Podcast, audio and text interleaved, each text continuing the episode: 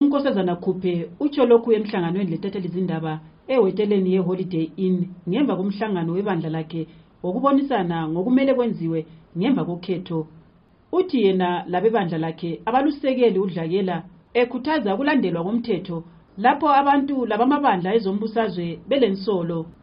nasi lensolo sesilandela ama-channels aqondileyo ukuthi siyekhuluma ukuthi insolo esizibonayo yinto ezake zake zake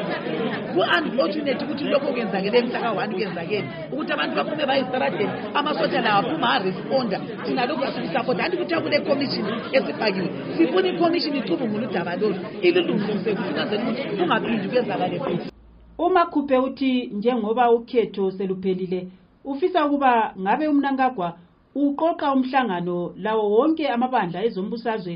aphatheke kukhetho ukuze bakhulumisane ngentuthuko yelizwe yenzela ukuthi kungakhanyi ngazathi uhulumende i-executive yiye esibamba ukuthi ngokuthi outcome yangikhona abantu bazayiphesela kuthi kodwa kungaba yiphalamenti okulama-political parties wonke onalawa alama-problems kube yibo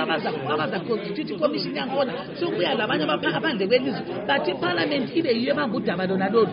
kuzancedisa ukuthi bonke abantu akade benezinsolo insolo zabo zizafakwa ndawonye impumela ezaba khona kungakho abantu bonke bengazimela ngayo but kungaba ngu-executive ekwenzayo kuzaba leproblem but kungaba yiparliament laba ama-political party zonke akhona ngilethemba lokuthi abantu bazavumelana betsho ukuthi lokhu yikho okungayizwanga khona sibone ngazathi lokhu yikho kumele ukuthi ngabe kuyayenzeka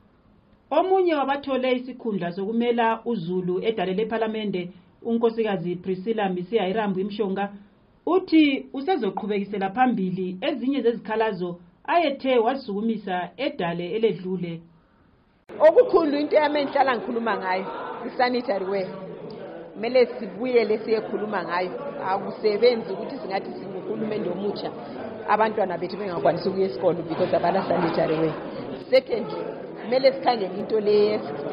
bimele iphele khathi singu-2018 kodwa upresident elect wayevele evumelane lathi siqandisa ukwenza into zethu zokukhuluma njengabomama wathi into leyo uzayi-extenda uzavumelana to ukuthi ku-yesterday so the one thing that i'm going to bring into the house immediately as we open is to push for an amendment for the extension of the court